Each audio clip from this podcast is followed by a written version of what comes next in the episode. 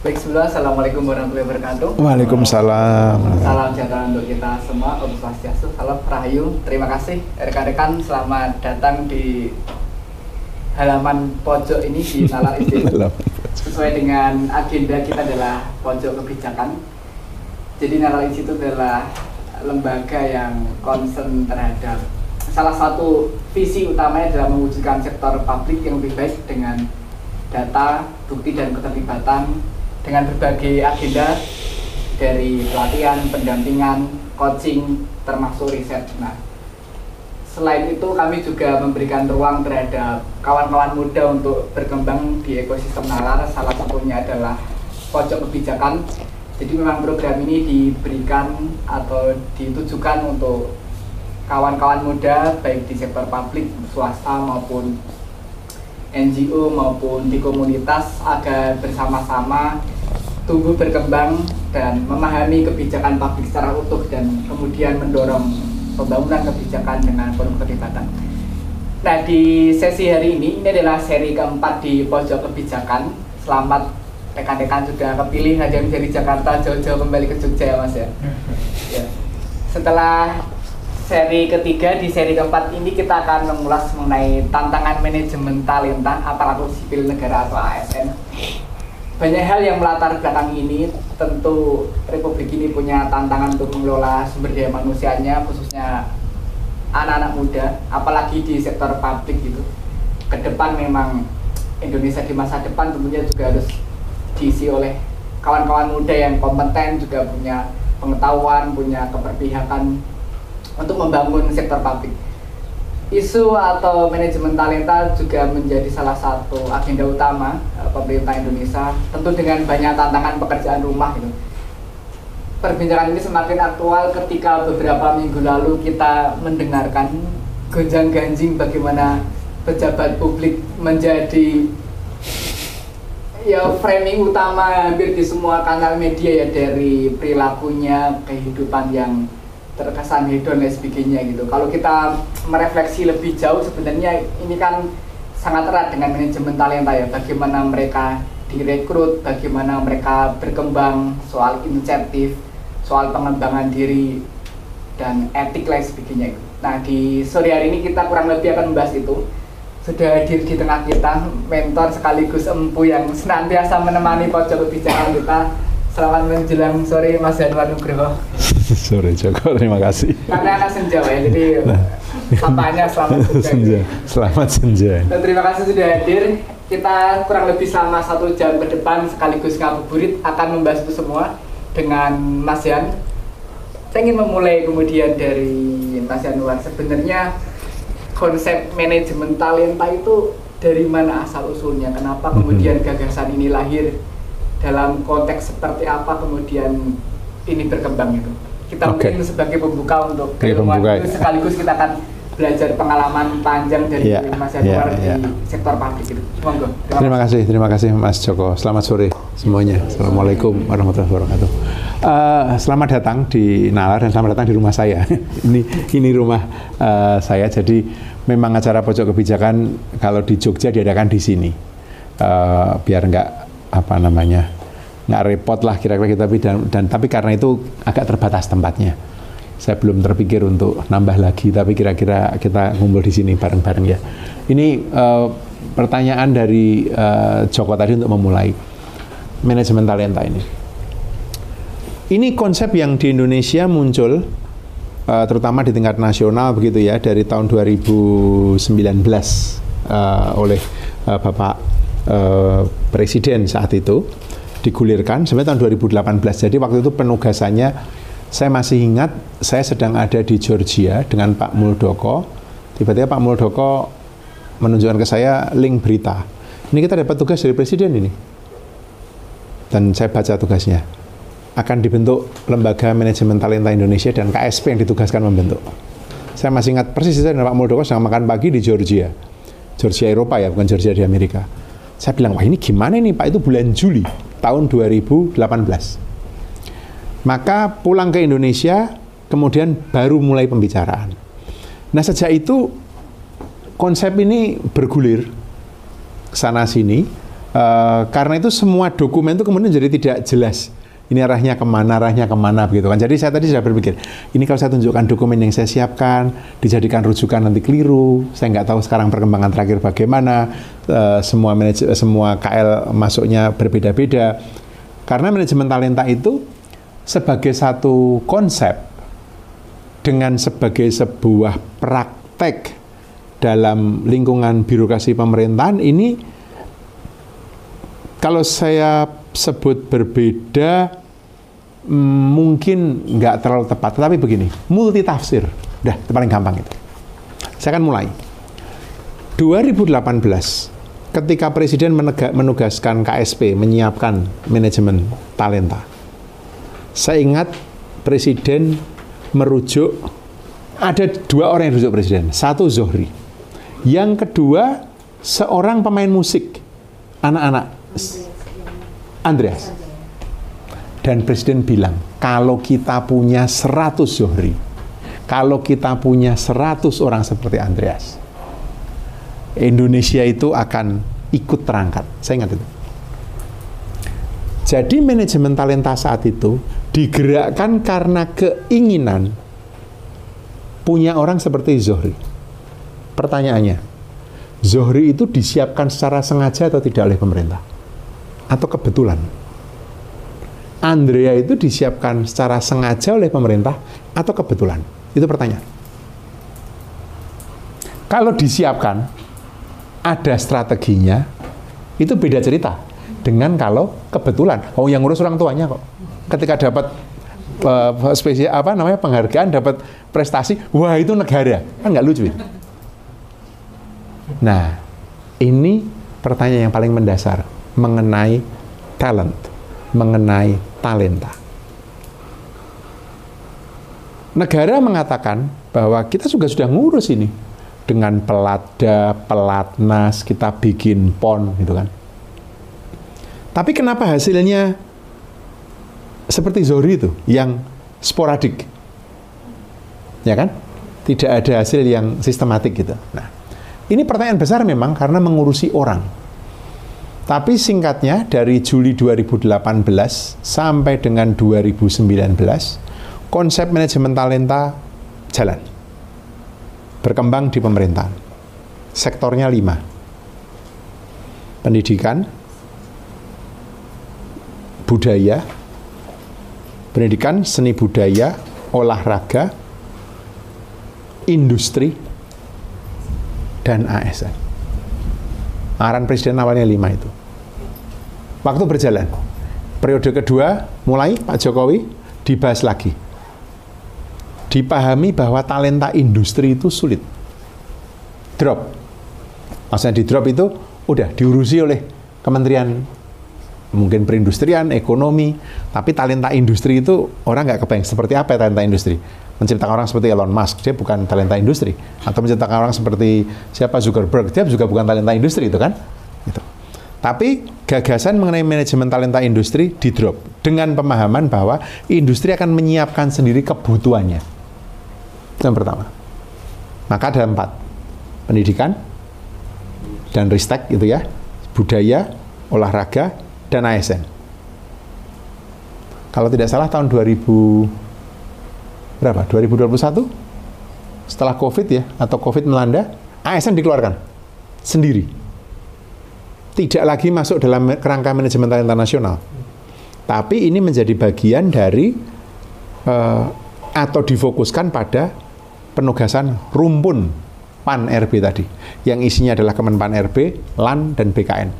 LAN itu Lembaga Investasi Negara dan BKN, Badan Kepegawaian Negara.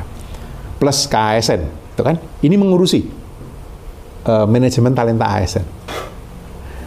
Sisanya tiga. Apa tadi? Riset, inovasi, pendidikan, olahraga, dan seni budaya. Siapa yang ditugaskan? Kemendikbud. Dari sini, kalau kita refleksikan, dari gambaran besar manajemen talenta, lima sektor. Drop industri, ASN sendiri, munculnya tiga sekarang.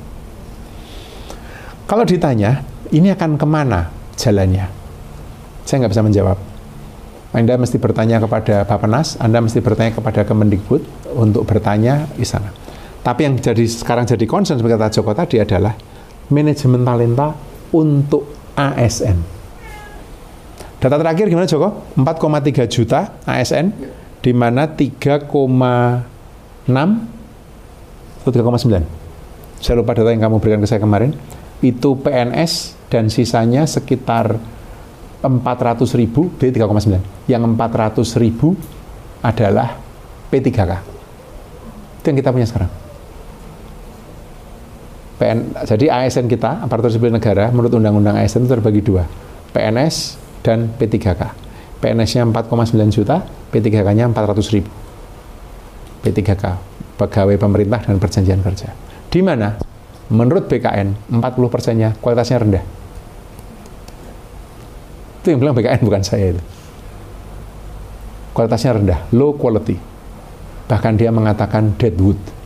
Udah nggak bisa ngapa-ngapain lagi. Kasarnya, nunggu mereka pensiun. Nah, maka pertanyaan besarnya adalah gimana kita mau memperbaiki ASN kita.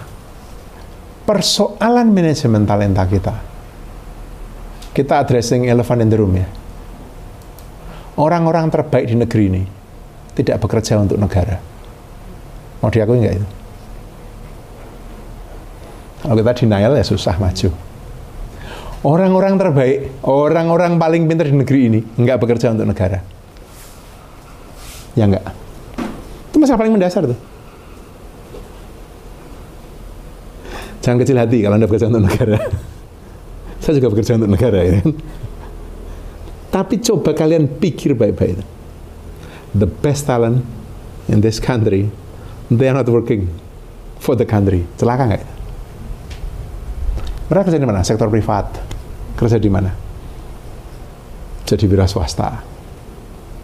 Jadi, yang bekerja untuk negara, mau jadi PNS, mau jadi tentara, mau jadi hakim, jadi you name it.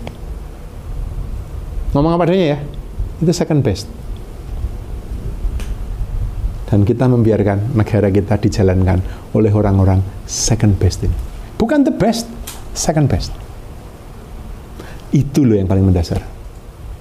Nggak ada satupun yang berani ngomong terbuka seperti ini. Saya ngomong di sebuah rapat kayak seperti ini. Wah ya nggak gitu Pak, ya denial ya. Sudah, harus denial, mau susah gimana? Nomor satu masalah yang kita hadapi paling besar.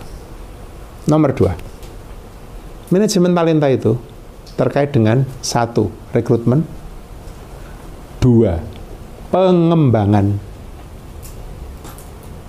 Jadi pengembangan itu career development. Pertama recruitment, career development. Ketiga, penempatan, deployment. Keempat, retainment, ditahan di situ. Biar orang nggak keluar masuk. Itu esensi manajemen talenta. Anda mau belajar manajemen sumber daya manusia, mana pun isinya empat itu. Gimana merekrut, gimana mengembangkan orang, gimana menempatkan atau menugaskan orang, gimana mempertahankan orang. Udah itu intinya. Itu berlaku untuk semua. Semua. Untuk lima-lima sektor tadi itu. Oke. Nah. Rekrutmen. Udah lumayan ya sekarang ya? Basis komputer ya kan? Anak presiden aja nggak keterima, nggak apa-apa ya kan? Ingat nggak? Yang nggak terima itu juga Kahiyang salah ya. Kahiyang lamar anak Presiden Jokowi waktu itu dia masih wali kota Solo atau gubernur DKI nggak keterima, it's good. Maksudnya bukan good dia nggak keterima, good uh, apa namanya sistemnya sudah lebih bagus ya kan, teman. Pengembangan, cek. Siapa yang ikut BIM? Siapa yang PNS? Selain satu, dua, tiga, empat, lima, enam. Oh cukup banyak PNS. Sudah berapa kali ikut diklat? Oke, okay, pengembangan diri deh, pengembangan diri. Pengembangan diri. Banyak. Banyak setiap tahun pasti. Yang di, yang kalian pelajari apa? Cerita, ayo cerita. Uh, terakhir sih tentang pembuatan kebijakan berbasis bukti ya Pak dengan NDU dengan Singapura jadi banyak perspektif baru yang masuk hmm. kan dari design thinking yang macam-macam yang mungkin di Indonesia baru gitu loh hmm. Pak, untuk membuat kebijakan tuh bisa loh dengan perspektif design thinking hmm. Nah, hmm. hmm. Uh, macam-macam gitu nah uh, itu sih itu yang terakhir sekali saya ikuti udah berapa kali kamu ikut sering sih setiap tahun pasti ada? tahun pasti ada dapat terus kamu aplikasikan? Uh, dicoba. Dicoba dengan berbagai keterbatasan. Dicoba ya? Kata kunci itu dicoba ibu? Uh, dari tingkat PIN uh, ketinjangan dari uh, tingkat pertama sampai ke uh, kemarin tingkat ketiga kemudian di teknis fungsional. Sebenarnya kalau di ASN ini cerita kondisi real. Yeah. uh, di birokrat kita itu ada kecenderungan apa keinginan untuk belajar dari Tinggi. teman-teman ASN itu rendah? Rendah? Rendah. Mengapa bu? Yeah. mereka tidak ada kebiasaan untuk transfer knowledge. Kebiasaan untuk mau belajar. Itu tidak ada. Saya katakan itu karena uh, pengalaman saya di Pemkot ya. Uh, kebetulan saya uh, mencoba menerapkan atau menciptakan yang namanya corporate university. Ya, uh, corpus, di, ya. di, uh, Hmm. Kebetulan di uh, dan lain-lain sudah ada ini ingin bagaimana pengembangan seorang ASN di pemerintah kota bisa belajar dari mana pun juga dan dia bisa mentransfer knowledge apa yang dia punya. Nah, ini hal seperti ini sangat sangat rendah. Kamu coba untuk mempush uh, teman-teman ASN untuk mau belajar, mau sharing, sharing seperti ini hanya orang-orang tertentu yang tertarik. Bagaimana kita mau mengembangkan? Oke, oke, oke, oke, oke. Lagi yang training-training sudah. Kamu banyak itu ke mana aja mas? ya dulu saya di Kementerian Luar Negeri pak sebelum di Kemenpan Oh dari Kemenlu dulu, pindah ke Kemenpan kemudian. ya jadi saya bahkan nggak ingat tapi pengembangan itu kan bukan hanya di kelas Hmm. yang termasuk yang saya alami sekarang Hmm. belajar itu juga Terus pengembangan. jadi Ah, ah. eh, pengembangan bisa formal bisa informal tapi Hmm. eh, saya kira itu banyak dan beragam bisa Hmm. dipilih oleh pegawai bahkan Hmm. Dan tentu harus sesuai dengan ini ya dengan Tugas, fungsinya apa? Hmm. Ya, di- jadi ketika selesai pendidikan apakah itu formal atau informal itu bisa diaplikasikan terakhir mungkin yang pengembangan yang berkesan itu dengan Koika pak Dengan Koika, Ya, Korea ya? jadi eh, mereka sharing terkait dengan project based policy dan itu bisa diterapkan jadi Hmm. ya selain eh, terkait dengan susah itu bisa juga mengembangkan networking dengan apa kolega dari luar negeri pak Good. Kalau di Klatpim, baru Ibu yang ikut ya? Di Klatpim 3? Ya, Tiga. Ini berarti rata-rata Anda sudah 4A belum? Ti- Belum, Pak. Tiga, Masih tiga tiga C tiga. Ya. Ibu? Mbak? empat sih. 4 C. Sudah bisa apply jadi dirjen dong ya, deputi ya? Kayaknya kan uh, S3. S3. Supaya bisa lompat. Supaya bisa lompat, bagus. Sudah 4 C yang lain? Masih? Nah, ya umbi, umbi, ya, umbi sini. Ini umbi. Apa? 3B, 3C? Mau 3B Pak. Mau 3B? Kamu? Saya 3B. Kamu 3B. Siapa lagi yang tadi? 3B. 3B. Oke, sekarang umurmu berapa? 27. Yang 3B tadi? 37. Siapa lagi 3B tadi? Saya CLTN Pak, jadi CLTN iya, kamu. Jadi saya sempat 2 tahun Sempat 2 tahun. Siapa lagi tadi yang 3B? Kamu berapa? 3B juga? Iya. Berapa umur? Kira-kira? 30. Oke. Saya cerita ya, nggak usah saya sebut namanya ya. Mantan staf saya, dia 4C. Ketika dia ikut saya di KSP, dia waktu itu 4A, kemudian naik 4B. Tapi karena pindah ke KSP dari kementerian asalnya, itu tidak dihitung kenaikan pangkatnya. Jadi dia nggak bisa uh, dipromot maju. Itu case satu. Sekarang staf saya ini asisten deputi di sebuah Kemenko dan sekarang dia ikut di Klatpim 1. Jadi ketika saya mem- jadi deputi di kantor staf presiden tahun 2014 2015 saya 43 tahun, dia umurnya 38 tahun. Saya bilang target dia, kamu ketika nanti umurmu sudah 5 uh, sudah 45, saya bilang gitu. Kamu harus aim menjadi eselon 1A. Dan itu hanya bisa kalau 4C. Saya ke Singapura. Saya ikut fellowship di Lee Kuan Yew School of Policy. Saya di sana. Karena pro, apa uh, fellowship saya itu di public services, saya ketemu berbagai orang di sana. Salah satunya Menteri PAN. Menteri PAN-nya setara dengan Menteri PAN-nya uh, Singapura. Ngobrol saya dengan dia. Panjang dan ketemu. Saya 8 minggu saya ada di sana. eselon 1 diangkat di mereka paling lambat usianya 45 tahun. Bisa lebih dari bisa lebih muda dari itu. Eselon 1A namanya Permsec. Permsec itu Permanent Secretary. Itu eselon 1 A.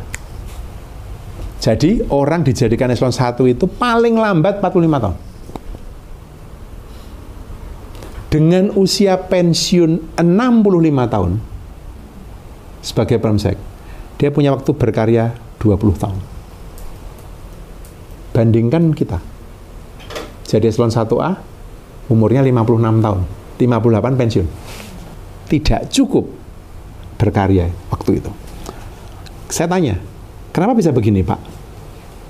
Dia bilang dari awal yang kita sebut dengan diklat itu programatik setiap orang. Jadi setiap orang itu punya cetak birunya. Kamu misalnya, kamu punya cetak birumu. Saya masuk umur sekian, pengalaman saya begini kalau saya mengikuti target, mengikuti skenario satu, yaitu sesuai dengan apa uh, apa namanya sesuai dengan urutan itu, maka empat tahun sekali saya naik, ya kan? Maka pada umur sekian saya mencapai ini sekian. Kalau kamu intervensi pendidikan di sini, sini kamu mengumpulkan sekian jam, kamu bisa percepat sekian. Kalau kamu mempunyai target umur 45 menjadi eselon 1, maka pelatihannya apa? Itu setiap orang punya cetak birunya. Setiap orang. Anda pasti akan mendebat. Kan Singapura negaranya kecil ya kan? Saya tahu itu isi batin kalian tuh. Ini bukan soal negaranya kecil atau besar. Ini soal seserius apa aparatur sipil negara disiapkan. Saya hampir yakin kok, Anda nggak ngerti lima tahun lagi mau ngapain. Tergantung penugasan, tergantung saya dikirim ke mana ya kan? Bukan begitu mestinya. Itu yang saya omongkan ketika saya deputi, ketika saya diminta ikut terlibat waktu itu. Masih memikirkan. Setelah saya bukan deputi, tentu saja saya hanya bisa memberi masukan. Tapi masukan saya tetap yang namanya cetak biru pengembangan diri ASN itu mutlak. Kalau enggak, enggak ada manajemen talenta. Rekrutmen sudah, pengembangan. Baru dari situ, kita bisa ngomong deployment. Sekarang yang sedang bingung di Kalimantan Timur. Saya ngobrolin dulu sama Awan dengan pimpinanmu dulu, Pak Iwan. Setiawan Angsat Maja itu.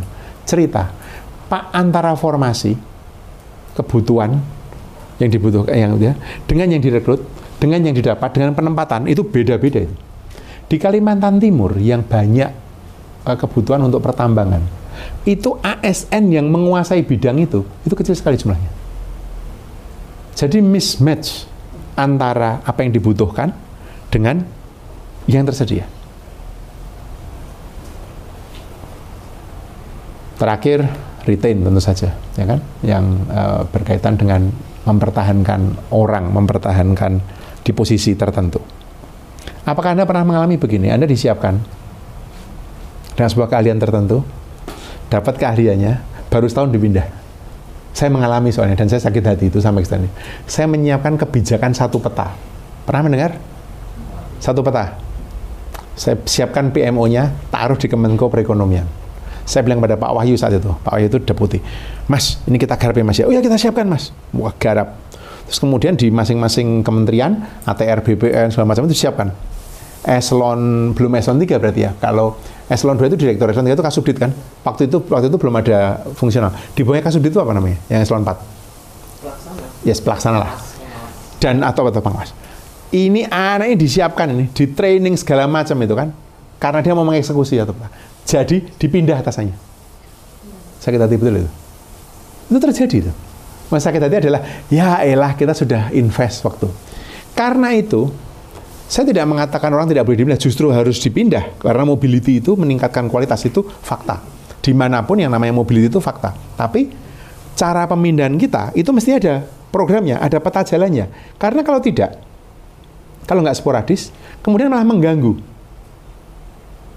keahlian pengadaan apa namanya procurement itu nggak gampang itu itu cerita ini sering banyak terjadi tuh di biro umum itu ketika orang dilatih menjadi uh, fungsional untuk pengadaan sudah ahli di situ mengerti gimana model dari LPSE dari LPP, LKPP menyiapkan mengerti katalog segala macam yang teknis detail dia sudah menguasai baru tiga bulan kerja dipindah itu berkali-kali terjadi so itu tantangan nomor satu tadi. Kedua, apa yang disebut dengan decent and single salary system. Itu kita belum sampai sekarang. Decent itu gaji layak, single salary system itu gaji tunggal. Sekarang kita masih across kementerian. Data terakhir, nah ini saya ikut rapatnya kemarin, diundang. Ada empat tier. Tier satu, Kementerian Keuangan, BPK, MA. MA, bukan MK, MA. Tier 2, Sekretaris Kabinet, Kementerian Sekretaris Negara. Sekretariat Negara. Tier 3, Kemenko Perekonomian dan kebanyakan kementerian. Tier 3. Tier 4, tiga Menko sisanya, dan sisa kementerian. Tapi grafiknya itu skewed-nya itu ke tier 3. Kalau Anda mau tahu perbandingannya, gaji seorang deputi atau dirjen di tier 3 itu setara dengan gaji eselon 4 di tier 1. Apa ya? Gaji seorang deputi di tier 3 atau dirjen di tier 3 itu setara dengan gaji eselon 4 di tier 1. Kalau kita seperti itu, bukan hanya kita sulit mencari orang-orang terbaik, orang-orang terbaik pun kalau masuk nggak akan mau ke semua ke sembarang kementerian, maunya cuma kementerian keuangan. Kalau nggak gitu dia eh, dikatakan sebagai kementerian sultan itu kan, ya sudah apa boleh buat. Tapi kita juga akan kesulitan melakukan pengembangan. Tadi saya bilang mobility itu satu di antara satu di antara uh, hal yang mendorong peningkatan kualitas. Tapi mobility nggak terjadi karena orang merasa saya nggak mau dong kalau anda dari tier 3 dipindah ke tier 4 anda nggak mau pasti.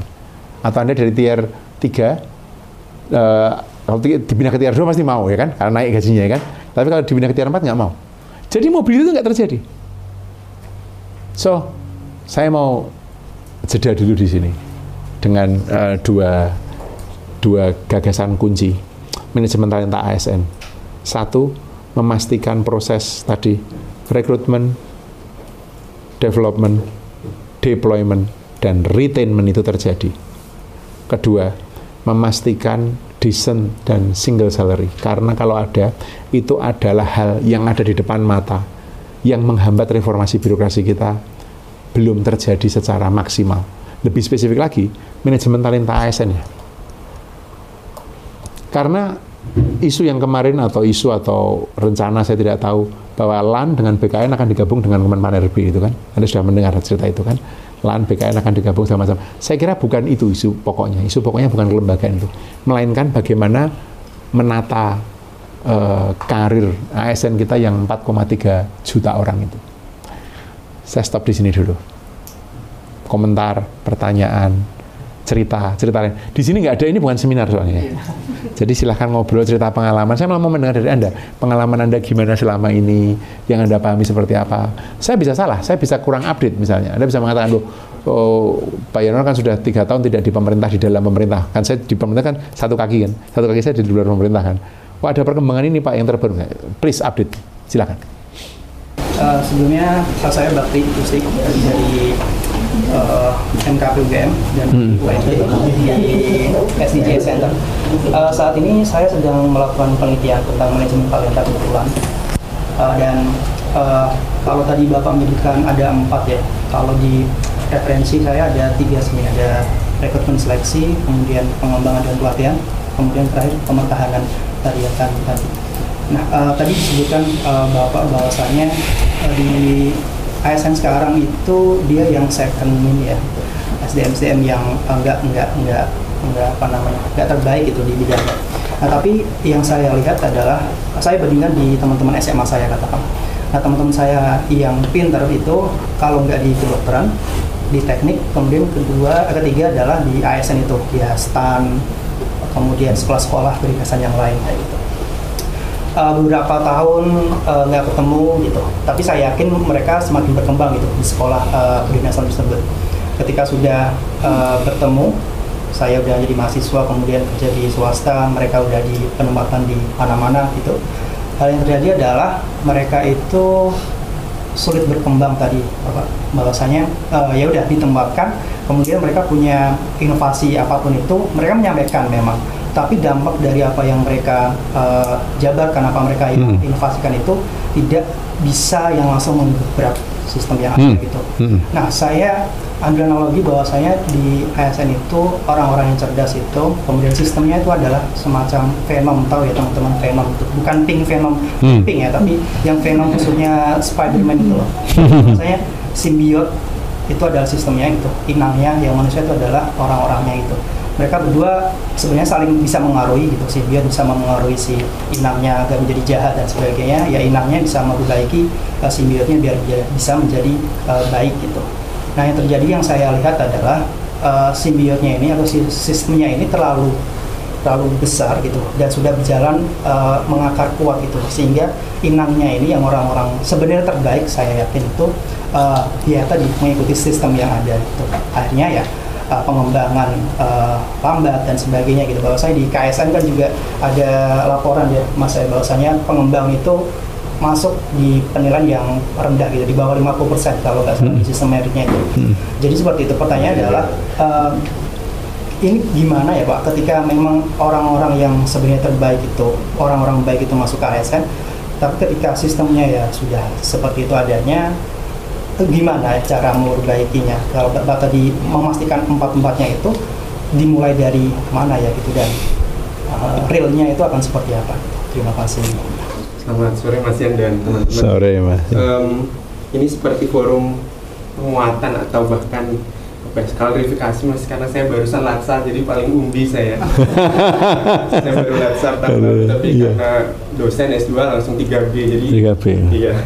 Itu aja dari eh, backgroundnya. Nah, eh, bagi saya ini merupakan sebuah vicious cycle, lingkaran setan karena tadi saya, saya mendengar kata Kemdikbud itu di mana Mas ternyata kemungkinan masuknya tier 4 ya Mas ya. Kemdikbud. Saya lupa tier berapa sih? Saya, saya ceknya ya. Sepertinya, Oke, sambil sambil kamu ngomong ya, saya cek ya. Saya cek saya cek tier berapa Jadi ini. saya mungkin mewakili rekan-rekan dosen ya untuk teman-teman ASN lain. Dosen ASN itu sampai hari ini yang saya terima dari negara itu hanya gaji pokok Loh. tanpa tukin. Tunjangannya? Nah, gini mas, di di Kemdikbud ternyata ada sebuah, saya tidak tahu ini apa ya permasalahannya, cuman saya Ah. lihat eh, ada sebuah kesalahan paradigma yang menganggap insentif kompetensi nanti baru dapat itu pun empat tahun mas jadi ada ketentuan-ketentuan teknis sudah empat tahun mengajar bol- baru boleh mengajukan yang namanya sertifikasi dosen gajinya baru meningkat dua kali lipat itu saja kami tidak dapat tungkin jadi kar- tendik-tendik lain mungkin dan karyawan di Kemdikbud di kementerian itu punya tukin sesuai grade jabatan masing-masing tapi dosen tidak karena dianggap bisa mengajukan serdos nantinya setelah empat tahun dan itu pun ada antriannya panjang mas Jadi empat tahun hidupmu itu cuma gaji pokok itu aja. Kamu anu tier 3? TR 3 betul Tier tier 3. tapi dosen enggak mas ini ini salah satu loophole yang saya saya cermati Hmm. sejauh ini nah balik lagi tadi kenapa ini menjadi vicious cycle ada beberapa teman-teman ketika penandatanganan SK mungkin waktu cari infonya di core dan segala macam kan lihat gaji tuh aduh ada tukin PNS dan gaji gaji pokok. Tapi setelah lihat penandatanganan SK CPNS dosen waktu itu yang tercantum memang gaji pokok angkanya nanti teman-teman bisa google sendiri lah lebih jauh dari UMR mungkin ya gitu. Jadi banyak akhirnya mereka memutuskan untuk tidak jadi masuk padahal itu S2 dari luar banyak sekali mas. Hmm. Ya karena mereka melihat wah ini dengan pendapatan segini nggak akan mungkin bisa hidup layak gitu nah bagi saya itu menjadi uh, kemudian vicious cycle yang kaitannya dengan yang desain and single salary system itu tadi Hmm. Uh, sebenarnya kemudian pertanyaan ke Mas Januar, bagaimana sih uh, paradigma dan konsepsi penggajian di pusat itu? Mengapa yang diperbarui itu hanya PP-nya terus dan kemudian membiarkan uh, kementerian masing-masing mengeluarkan uh, SK menterinya untuk men- menetapkan tukin? Apakah itu ada kaitan dengan politik anggaran karena Kemen Sultan yang menguasai anggaran dan segala macam? Atau ada paradigma tertentu yang mengakibatkan uh, gimana kita mau, mau ngomong manajemen talenta kesejahteraan aja masih tanda kutip gitu mas Oke. bilang gitu. Sebelum ada yang menjawab juga, ini saya saya beri bacakan ya. Tier 1 Kemenkeu BPK Mahkamah Agung, tier 2 Sekap Setnek. Tier 3 siap-siap ya. Kemenhub PU PR PAN RB Bapenas Dagri Perdagangan Kominfo Perindustrian Pariwisata Ekonomi Kreatif Kemkes ESDM Kemenlu Kelautan Perikanan Kemendikbud Ristek Kemenko Perekonomian, Pertanian, BUMN, BRIN, BKN, Kejaksaan, Badan Siber dan Sandi Negara, Lembaga Kebijakan LKPP, BMKG, eh, Badan Tenaga Nuklir Nasional, BPOM, Arsip Nasional, Badan Intelijen Negara, BPS, BPKP, Lembaga Administrasi Negara, LAN, Mahkamah Konstitusi, itu tier 3. Tier 4, Kemenko Polhukam, Koperasi Usaha Kecil Menengah, Kemenpora, Agama, Pertahanan, Kemenko Pembangunan Manusia, PMK ya, LHK, Kemensos, Kementerian Desa, PDTT, PPPA, Ketenagakerjaan, Kemenko Maritim dan Investasi,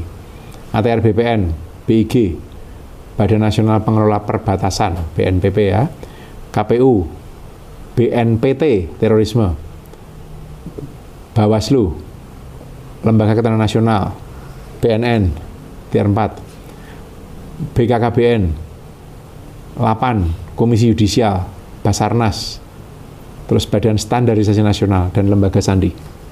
Itu tier 4. Sudah kebayang ya? Oke, terus ada yang menanggapi tadi? Ini bagus tadi. Concern dia, kamu tadi merasa dikuatkan tuh sama extend, karena situasinya seperti itu. Ada yang menanggapi? Silakan. Silakan, Mas. Setelah itu ke belakang. Ya. Eh, terima kasih. Mungkin respon saja Pak ya Ya. terkait dengan tantangan sama masalah manajemen talenta mungkin di perasaan teman-teman di sini terutama yang PNS, terutama yang PNS nih. Tapi sebenarnya nggak cuma PNS juga, mungkin yang akan saya omongkan juga beresonansi ke, ke banyak orang di sini. Jadi, Kamu swasta ya? saya PNS Pak. PNS. Iya. oke. KSN gitu. KSN ya, lupa saya KSN kamu ya. Ya, eh, dari pengalaman saya, supaya saya kan tugasnya sehari-hari ini mengevaluasi penerapan sistemerik di Ah, manajemen hmm, ASN. hmm. Kalau menurut saya eh, akar masalah dari manajemen talenta ini yang salah satunya yang paling besar, yang paling sulit itu adalah eh, kepedulian pimpinan pucuk ya, pimpinan pucuk instansi Hmm, hmm. terhadap manajemen SDM atau terhadap orang itu nggak ada. Gitu. Hmm. Banyak kan, Pak, ya, mayoritas saya nggak bilang semuanya, tapi Hmm, hmm, hmm. mayoritas seperti itu. Jadi ketika uh, kepedulian terhadap pengembangan manusia ini nggak ada, dilihat sebagai bukan suatu yang prioritas gitu, itu ya akhirnya beruntut akhirnya nggak ada pengembangan manusia yang tadi Pak namanya, manajemen talenta yang tadi Pak Pak Yanwar ceritakan seperti itu dari mulai pola karir yang tertata, decent salary dan lain-lain.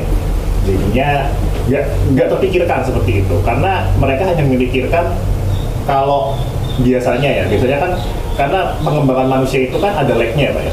Jadi kalau kita invest ke manusia sekarang itu kelihatan hasilnya 10 tahun atau 20 tahun ke depan gitu. Betul, bisa langsung betul. kita invest sekarang anggaran jujur-jujuran langsung negaranya maju Iya. instansinya maju tuh nggak bisa. Karena manusia itu Benar, ada lag benar, benar. Nah, kebanyakan pimpinan instansi itu maunya yang langsung kelihatan, yang tangible. Kalau di daerah ya, biasanya makanya mainnya, ya nggak usah di daerah, pusat, di pusat sekarang mainnya lebih ke infrastruktur fisik seperti itu. Yang jor-joran fisik gitu.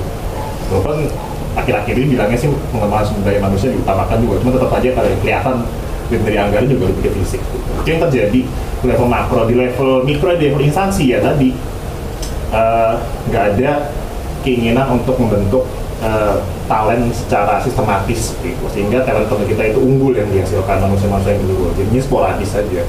Nah bibit-bibit unggul yang ada di instansi ini akhirnya tadi nggak dikembangkan dengan baik Hmm. mayoritas. Yang kedua yang juga memperkuat eh, tantangan ini adalah pengelola nggak semuanya pak ya bilang. Kebanyakan. Kebanyakan eh, terutama di di daerah gitu, itu bahkan tidak memahami gitu. itu sebenarnya talent itu apa gitu loh apa apa sih isinya jeruannya hakikatnya ekstensinya itu nggak nggak nggak dipaham nggak nggak belum mengerti seperti itu akhirnya ya udah yang di atas nggak peduli yang di bawah juga Gue bahwa nggak ngerti. Iya, nggak ngerti. Sedih banget. Terus nggak peduli bahwa nggak ngerti. kayak kayak gini sebetulnya kita rasakan sebetulnya yang banyak rasakan nah eh, mungkin eh, pertanyaan saya ke Pak Yanwar sebenarnya ya Pak. Gimana caranya membuat pimpinan-pimpinan? Kan pimpinan pucuk instansi itu kan banyak kan majority of them kan political appointees Pak. Jadinya kan namanya political Oke. appointees ya nggak mikir wah dia nih manusia nih harus dibangun biar 10 tahun depan maju. Nggak. Mereka mikirnya kayak kalau yang jahat ya gimana sih saya bisa mengembalikan biaya kampanye saya? Iya, betul. kalau yang baik ya Betul. ya gimana? Ya kalau yang baik ya udah saya maunya yang kelihatan cepat gitu infrastruktur sekolah dan lain-lain gitu tapi ya maksudnya hmm, fisiknya yang diutamakan tapi manusianya yang enggak Nah, gimana cara menyadarkannya? Karena mungkin baik di Kementan maupun di, eh, di Paguyuban Manajemen ASN itu susah sekali menyadarkan para manajemen puncak ini bahwa ya pengembangan itu penting loh. Eh, nggak bisa seenaknya digonta ganti tadi seperti yang Pak Imar bilang atau dimutasi seenaknya. Nah, tanpa melihat uh, kinerja dan lain-lain itu. Dan yang terakhir mungkin komentar saya terhadap decent and single salary system. Eh, nggak tahu Pak ini pandangan pribadi ya pandangan pribadi. Tapi kok saya melihatnya resistensi terbesar dari decent and single salary system ini dari yang punya uang itu bendahara negara itu kementerian keuangan seperti itu. Jadi kalau yang punya uang saja sudah resisten itu susah uh, sus gimana ya? Susah mereformasi sistem salary ASN kita seperti itu nah ini untungnya untungnya akhir-akhir ini ada momentum yang tepat karena di Kementerian Keuangan lagi di jadi Kayaknya lebih banget. lagi jadi ini ya sorotan seperti Oke. itu. Eh, makanya akhir-akhir ini eh, Deputi SDMA di Menpan Pak Alex sendiri beliau ide-idenya brilian menurut saya. Nah, eh, memang beliau sendiri pun cerita susah sekali mendorong single salary system, decent dan single salary system ini karena ya tadi eh, karena ada satu instansi yang eh, jadi ingin sejahtera enggak, enggak. tapi ada resisten seperti itu tapi dengan adanya eh, eh, momentum yang akhir-akhir ini sih katanya sih mulai mulai ada pembicaraan lagi mulai melunak Oke. mudah-mudahan konten ini ya sustainable ya melunaknya jadi jangan gara-gara ada kasus terus kayak jadi kita mengundang nanti gara-gara ada kasus ini lagi tapi itu sih eh, itu yang, yang Oke. Eh, silakan Oke. Ini saya tanggapi dulu sebentar ya. Nah, setelah itu nanti round berikutnya. Saya, saya menanggapi, tidak menjawab. Saya menanggapi. Karena mungkin saya nggak bisa jawab juga eh, pertanyaannya. Eh, saya mau mulai dari yang terakhir. Karena itu menjelaskan dua ini berikutnya. Pejabat publik kita itu ada dua bagian, saya kira. Atau ada dua kategori. Kategori pertama memang adalah karir birokrat karir birokrat itu batas tertingginya menjadi eselon 1A. Karir birokrat. Yang kedua adalah political appointee. Yang bisa paling tinggi malah. Yang political appointee itu menteri. Kalau presiden wapres itu elected official. Itu beda. Elected itu dipilih.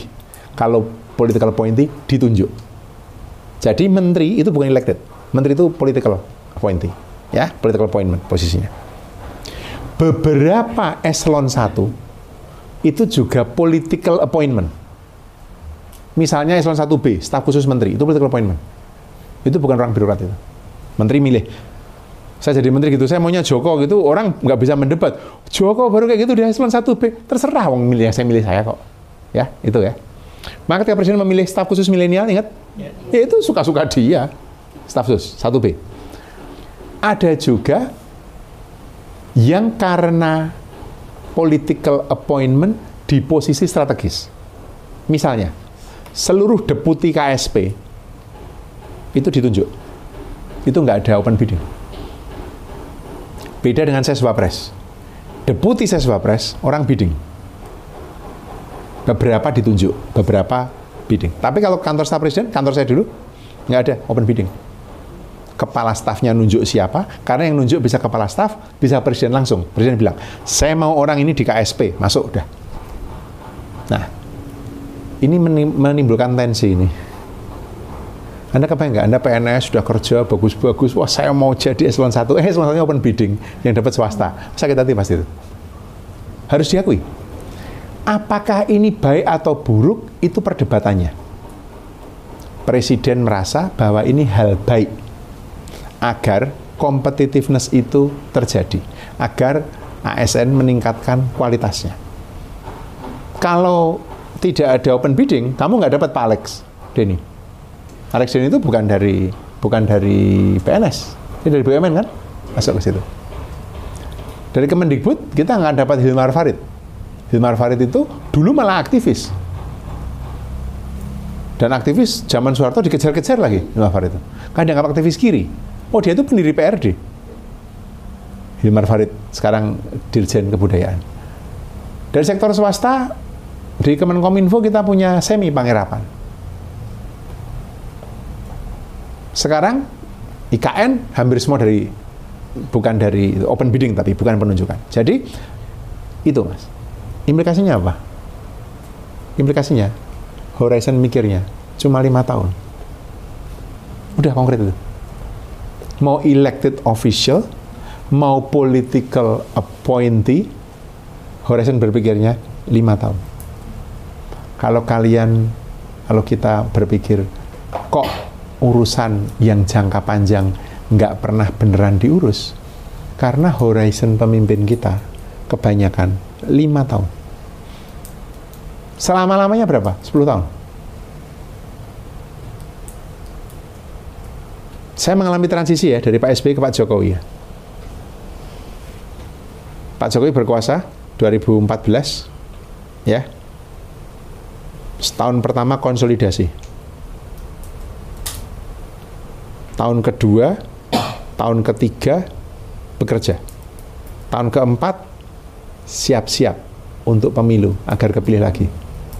Tahun kelima habis-habisan mobilisasi agar terpilih. Periode kedua, tahun pertama konsolidasi lagi. Menterinya baru. Tahun kedua, tahun ketiga bekerja, tahun keempat siap-siap kalau lengser, penggantinya nerusin atau enggak. Tahun kelima, benar-benar persiapan untuk transisi. Jadi, kabinet itu bekerja empat tahun. Dua tahun pada periode pertama, dua tahun periode kedua. Lain-lainnya nggak pure bekerja saya balik tadi ke Singapura atau saya ke Inggris. Sektor-sektor yang terkait dengan manusia, sektor hulu namanya, kesehatan, pendidikan, aparatur negara, itu tidak ditangani menteri politik. Singapura begitu, Anda cek, Inggris begitu, Amerika begitu, Anda cek. Maka kebijakannya sustain. Siapa pun kepala negaranya. Kita enggak. Dari tiga itu, kesehatan, pendidikan, sosial. Jadi kalau kita bicara ya sektor hulu itu ya isinya ya pendidikan, kesehatan, sosial, UMKM, aparatur negara. Karena UMKM itu sektor informal, pelindungan Kemensos itu soal perlindungan sosial, kesehatan, pendidikan itu clear, kemudian aparatur negara karena dia mengurusi sumber daya manusia aparatur negaranya. Pendidikan. Kalau Kementerian kalau Menteri Agamanya NU, maka Menteri Pendidikan Muhammadiyah. Kalau Menteri Agama Muhammadiyah, maka Menteri Pendidikan NU baru sekarang diubah oleh Jokowi, Nadiem masuk. Ini wild card sini. Oke? Okay? Kementerian Kesehatan, untungnya selama ini profesional. That's good.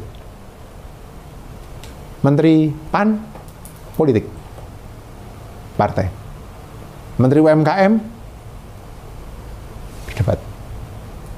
Jadi kalau kita masih bisa menjaga area kementerian-kementerian yang sifatnya hulu tadi itu uh, profesional, ada harapan mikirin sumber daya manusia agak panjang. Sini tadi kan, kalau kamu bertanya tadi, ah, ini gimana Pak awareness apa, pemimpin itu? Bukan soal awareness ini.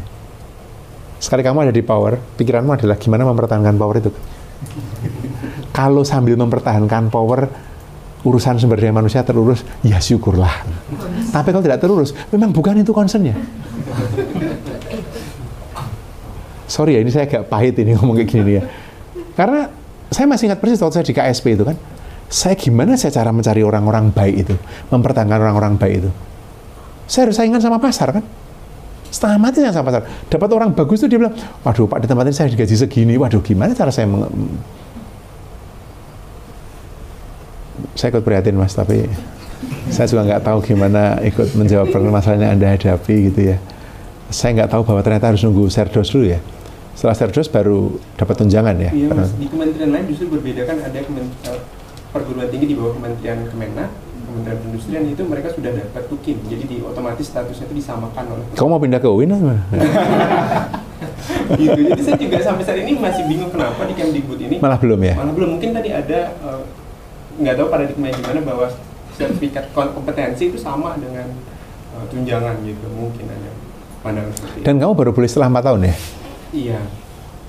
Guru yang di dia di daerah sepanjang dia sudah mendapatkan sertifikasi itu dia memang tidak mendapatkan tunjangan kinerja.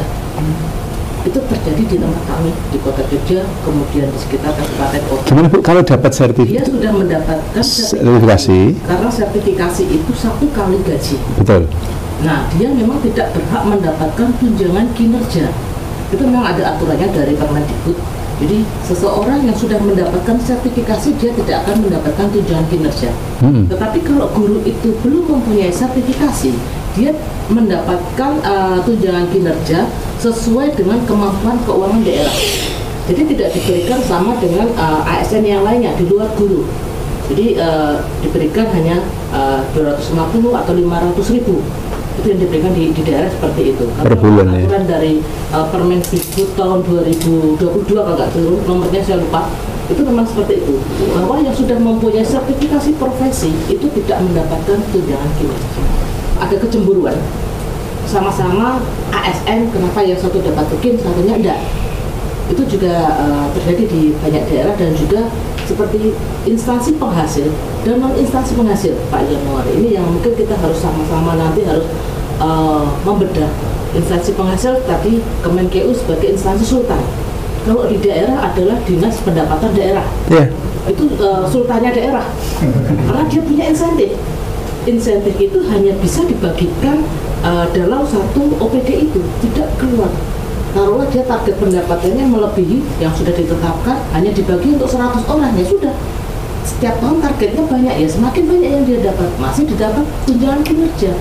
Nah ini yang menjadi ketidakadilan di daerah dan juga di, yang di pusat seperti itu. Mungkin nanti kita harus uh, mungkin dari Menyangkut, ya. bisa membuat uh, apa ya, merumuskan bagaimana instansi penghasil itu disamakan dengan ASN yang lainnya Iya, Bu. didapat insentif ya insentif aja nggak saya dapat tukin gitu pak Eh, masuk ke situ tadi eh, singkat saja ini sebelum eh, ronde kedua eh, diskusi. Jadi salah satu gagasan untuk gagasan untuk menata kembali eh, kementerian yang punya tanggung jawab atau kementerian yang berurusan dengan mobilisasi sumber daya keuangan itu begini. Dirjen Pajak dan Bea Cukai dikeluarkan dari Kementerian Keuangan, dijadikan satu badan, namanya Badan Penerimaan Negara. Ini praktek umum di negara maju. Di Inggris namanya Inland Revenue. Isinya pajak dan bea cukai. Set langsung di bawah presiden. Terus Dirjen Anggaran dikeluarkan dari Kementerian Keuangan, jadikan satu dengan Bappenas. Sehingga ada integrasi perencanaan dan penganggaran. Di semua negara maju, tidak ada perencanaan itu ada rejim sendiri, penganggaran itu nggak ada di negara maju mana pun. Di Amerika namanya Office of Management and Budget, OMB, di bawah kantor presiden. Di Inggris namanya Treasury, HM lagi matu, Her Majesty Treasury, langsung di bawah Perdana Menteri. Di Afrika Selatan namanya eh, National Treasury. Di negara lain ada yang di bawah Kementerian Keuangan, ada yang di bawah Kementerian tapi jadi satu yang namanya perencanaan dan penganggaran. Nggak boleh dipisah. Karena yang terjadi dipisah kayak kita ini, yang direncanakan apa, yang dianggarkan apa, nggak nyambung, kan? Oke. Yang ketiga, Kementerian Keuangan dengan segala, dengan sisa eselon satunya itu tetap sebagai pengendali kebijakan fiskal. Lalu BPKP dan BPK dijadikan satu Badan Inspektorat Negara. Jadi yang satu mendapatkan duit, yang satu merencanakan dispennya ke mana, satu mengawasi, satu membuat kebijakan. Ini yang saya coba usulkan sejak di akhir zaman Pak SBY dulu. Tidak fly. Kalau ada yang mengatakan tadi bahwa eh, eh, apa namanya yang menghambat istilah tadi mas? Menghambat reformasi birokrasi adalah Kementerian Keuangan, saya tidak bisa eh, tidak bisa menolak status itu. Karena memang kemudian sulit kan? Ka- karena nggak ada. Single salary yang di Dirjen Pajak itu dan bea cukai sekarang viral lagi hari ini kan? Baca nggak hari ini? Ada mobil Alphard pribadi masuk ke apron. Penumpang dari pesawat luar negeri turun pejabat langsung membawa belanjaan sebanyak itu. Dan yang mengawal mobil bea cukai. Saya tadi ini ini kok nggak karu-karuan? Makin nggak karuan yang mengawal itu mobil bea cukai. Itu Alphard orang, Alphard pribadi, bukan mobil platform, masuk ke apron. Jadi pesawat itu mendarat kan, kan orang lewat Barata, itu enggak dia turun lewat tangga itu, langsung membawa barang. Governance itu hakikatnya adalah pemisahan kekuasaan. Yang membuat kebijakan tidak boleh melaksanakan, yang melaksanakan tidak boleh mengawasi. Kalau melaksanakannya itu imply mendapatkan resources dan membelanjakan, tidak boleh lembaga yang sama. Tidak boleh orang yang sama. Kalau jadi satu ya kayak gini jadinya. In the case of Kementerian Keuangan, kebijakan harus dipisahkan dengan mobilisasi, dipisahkan dengan penganggaran karena mengeluarkan duit, harus dipisahkan dengan mengaudit. Kalau itu nggak terjadi, nggak bisa. Ini usulnya hanya usul simpel saja. Dan ini bukan usul yang tanpa dasar ya. Kajian pustakanya jelas, nggarapnya di mana seperti apa, sudah pernah dibicarakan, sudah dibicarakan kok dulu. Salah satu Pak siapa Alex itu salah satu orang yang sangat mendorong untuk single salary system. Iya. Sempat dipikirkan, kalau memang pajak dan kalau memang pajak dan bea cukai ingin sendiri, ya sudah ditarik misalnya. Tapi yang lain itu, misalnya kayak gitu. Sempat ada diskusi seperti itu. Tapi kembali ke cerita tadi ya, eh, saya kira saya kira salah satu ya, hal yang mendasar dalam penataan eh, kebijakan kita yang terkait dengan manajemen talenta. Mudah-mudahan nyambung juga dengan tadi yang kamu angkat tadi ya, eh, concernnya ya. Saya kira-kira itu. Oke, kita ronde kedua. Silahkan. Ada yang mau sharing, ada cerita. Silahkan, Mas.